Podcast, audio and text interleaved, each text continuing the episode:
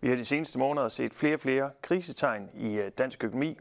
Det er de højere renter og de høje priser, der rammer økonomien.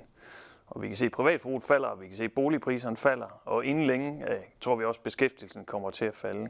Især boligmarkedet er hårdt ramt. Huspriserne er på landsplan faldet øh, 7 procent, og vi tror, at det fald kommer helt op omkring 15 procent, måske endda over. Det er naturligt, at der kommer en krise efter rigtig mange år med øh, kraftig optur, og det positive er, at øh, krisen her altså kommer med en beskæftigelse, der er tårnhøj, og egentlig en øh, økonomi, der grundlæggende er stærk. Det vil læse mere om i den nye prognose, vi har lavet, som er vedhæftet udsendt her.